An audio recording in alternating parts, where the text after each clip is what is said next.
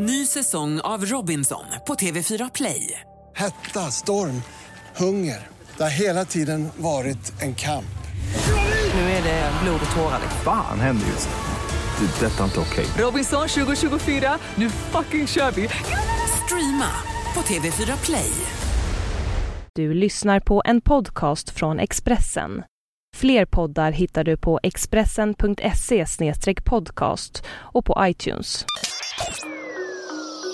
Det här är Expressen Dokument.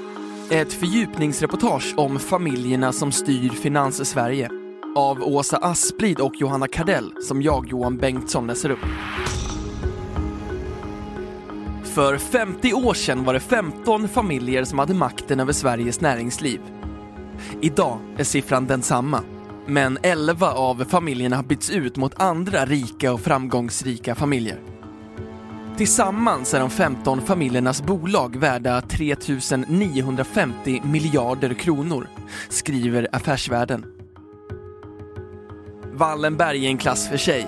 De är väldigt mäktiga, säger Anders Jonsson, författare med svensk ekonomisk politisk historia som specialitet.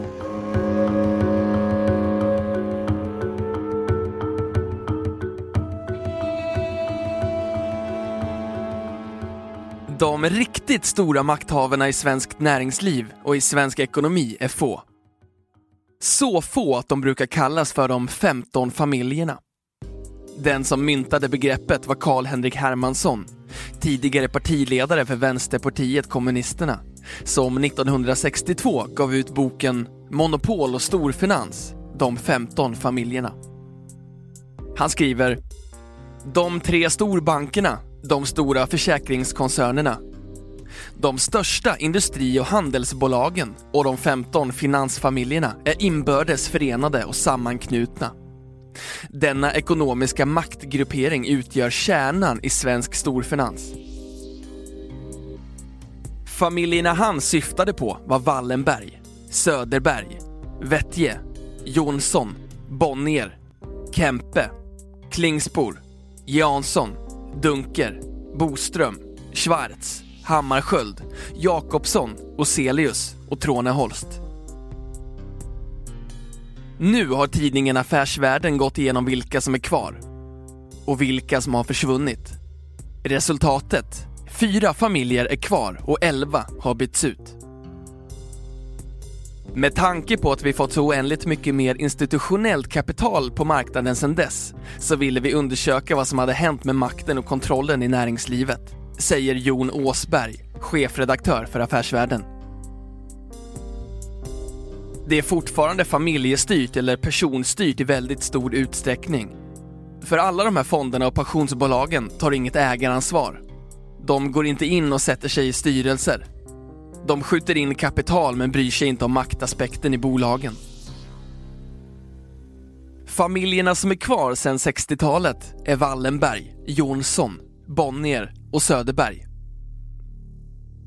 Anders Andersson, nationalekonom och forskare för Institute for Financial Research, är inte förvånad över att det bara finns fyra familjer kvar på den gamla listan.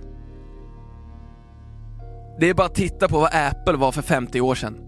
Det fanns ju inte då, är nu ett av världens största företag. Så det är ganska naturligt att det är en rotation, säger han.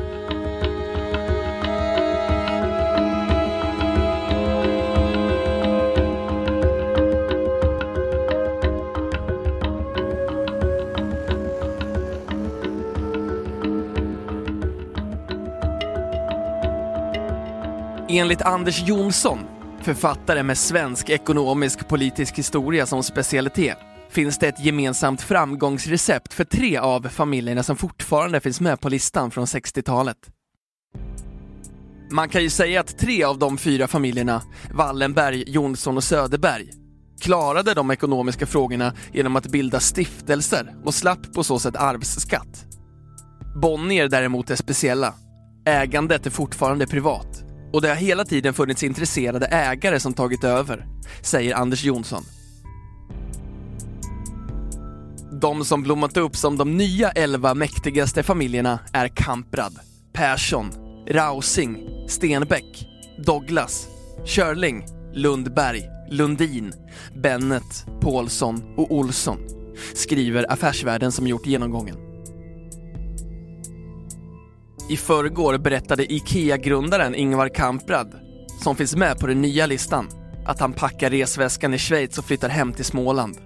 Men att han finns med på listan verkar inte ha någon betydelse för Kamprad. Jag tror inte att det betyder någonting för dem. Jag tror att familjen är stolt över att de varit med att skapa en succé som IKEA som har vuxit och utvecklat sig helt oerhört under de senaste 70 år som företaget existerat.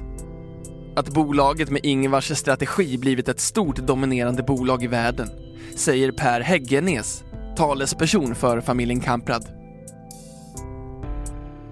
Kamprad kommer att saknas i Schweiz. Borgmästaren uttrycker en oro att man nu måste höja skatten när IKEA-grundaren flyttar, berättar han för Svenska Dagbladet.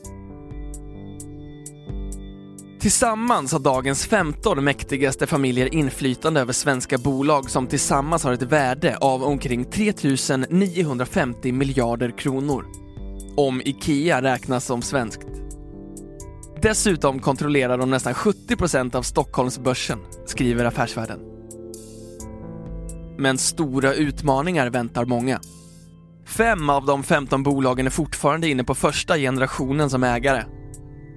De har inte bevisat att de har klarat ett generationsskifte. Förr i tiden var det ofta självklart att sonen skulle ta över. Så är det inte idag. Då är det lättare att säga nej, säger Anders Jonsson. Jag brukar prata om att man ska klara sig genom tre steg. Förärva, ärva och fördärva. Det är oftast svårt för den första generationen som tar över företaget att fördärva. De lär sig oftast mycket av föräldrarna. Så första generationsskiftet brukar man klara. Nästa är svårare. Då handlar det oftast om barnbarn och då är det inte alltid säkert att det finns ett intresse eller kunskap.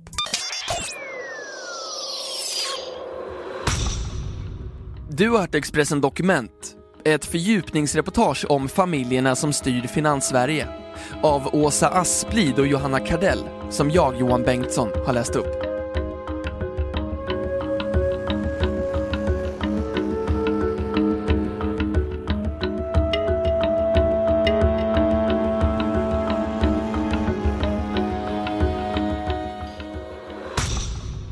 Du har lyssnat på en podcast från Expressen.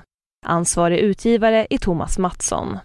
Fler poddar finns på Expressen.se och på iTunes. Ny säsong av Robinson på TV4 Play.